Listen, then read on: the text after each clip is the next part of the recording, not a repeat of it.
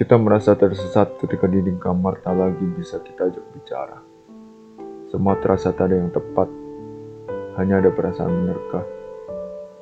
Lalu kita tersisih kambang batas, berharap ada lagu pengantar tidur yang bisa membuat kita terlelap selamanya.